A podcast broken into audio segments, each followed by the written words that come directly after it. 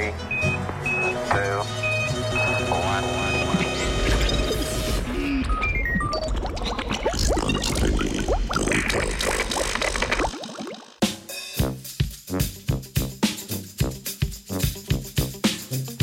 Skodelica plastike za dobro jutro.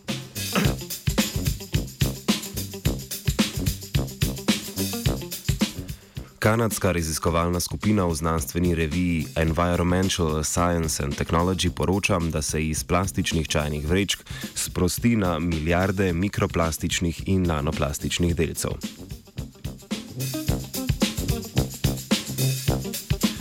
Naraščajoča pojavnost zelo majhnih plastičnih delcev v prehranski verigi je skrb vzbujajoča.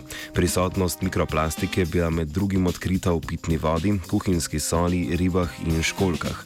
Kljub trudu po zmanjševanju plastične embalaže na eni strani, pa nekateri proizvajalci izdelujejo nove plastične embalaže, ki nadomeščajo tradicionalno, denimo papirnato embalažo.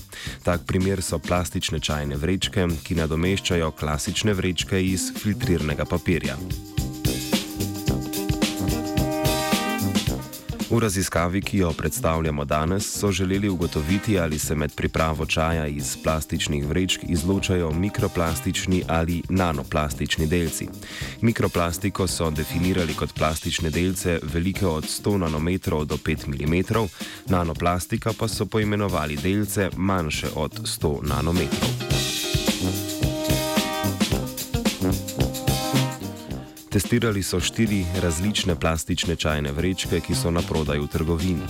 Prazne vrečke so za 5 minut potopili v 10 ml čiste vode, segrete na 95 stopinj Celzija. Na to so analizirali prisotnost plastičnih delcev v vodi z vrstično elektronsko mikroskopijo in dvema spe spektroskopskima metodoma. Ugotovili so, da se je iz plastičnih vrečk sprostilo slabih 12 milijard mikroplastičnih delcev in dobre 3 milijarde nanoplastičnih delcev. To je za nekaj velikostnih razredov več delcev, kot so jih v predhodnih študijah odkrili v drugi hrani. Po kemijski sestavi so se sproščeni delci ujemali z materialom, iz katerih so bile narejene čajne vrečke: najlonom in polietilenom tereftalatom, bolj znanim pod kratico PET.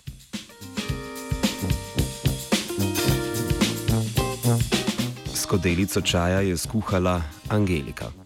Proizvod najvišjega kakovostnega razreda za vas, R&H.